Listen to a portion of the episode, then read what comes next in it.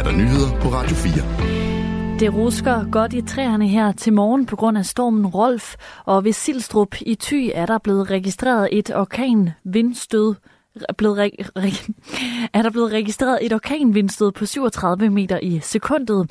Det svarer til 133 km i timen. Det er stormen Rolfs hidtil højeste vindstød, skriver TV2 Været. Og skal du ud i morgentrafikken, så skal du passe på. Flere togstrækninger og færgeafgange er påvirket. Og så advarer flere politikredse om væltede træer på grund af vinden. Det gælder blandt andet i Syd- og Sønderjylland, hvor mindst 25 træer er væltet, skriver DR. Sanktionerne mod Rusland har fået særligt de danske virksomheder til at skære kraftigt ned på eksporten i, til Rusland de seneste to år. Dansk eksport til Rusland er faldet med knap 82 procent fra 2021 til 2023. Til sammenligning er de europæiske virksomheders eksport til landet samlet set faldet med 57 procent. Det viser data fra Eurostat, der er EU's statistiske kontor. Ifølge vicedirektør og chef for global handel i Dansk Industri, Peter Thagesen, skyldes det blandt andet den måde, som de danske virksomheder har valgt at fortolke sanktionspakkerne på. Derudover så øh, har, har danske virksomheder generelt været meget optaget af, at man til punkt og prikke efterlever alle de sanktioner, der er, der er vedtaget politisk. Så derfor så har vi i alle de tilfælde, hvor der har været tvivl om, at man måtte eller ikke måtte, der er det kørt med en stor sikkerhedsmarked. Så derfor så har danske virksomheder generelt nok gået endnu længere end de fleste andre øh, europæiske landes virksomheder har valgt at gøre. Det er Ruslands krig mod Ukraine, som har fået blandt andet EU-landene til at fremsætte en række sanktioner mod Rusland. Kun Luxembourg, Malta og Finland har skåret procentvis mere i eksporten, end Danmark har.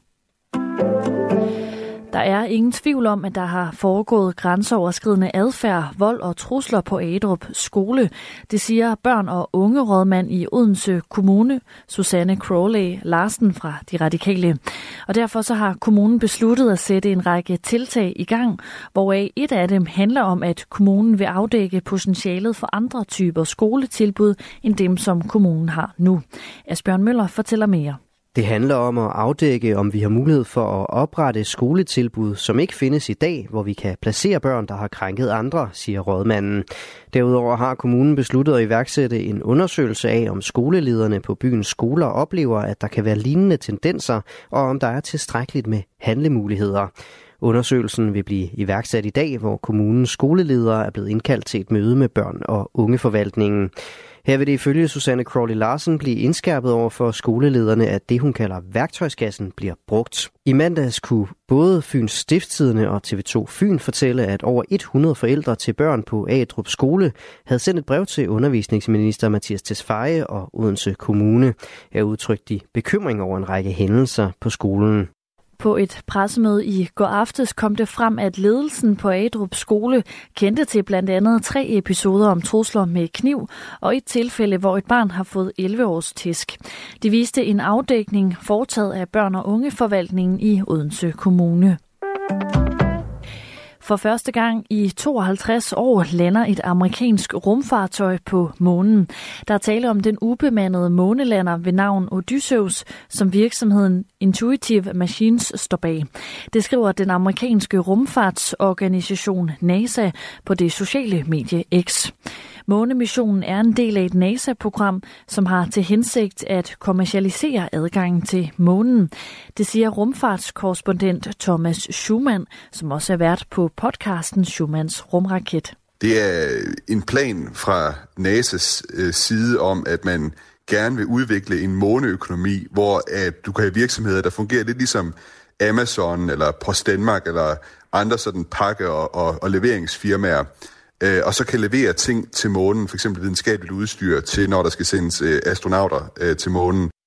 Det er kun fire lande, som tidligere lykkes med at få rumfartøjer til at lande på månen, skriver Reuters. Det gælder det tidligere Sovjetunionen, Kina, Indien og så senest Japan, som i januar opnåede en vellykket månelanding.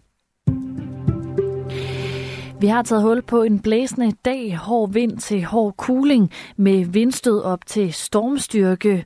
Vinden den skulle dog aftage i løbet af dagen. Over de vestlige egne skyet med en del byer, ellers mest tørt og mulighed for nogen sol. Temperatur mellem 4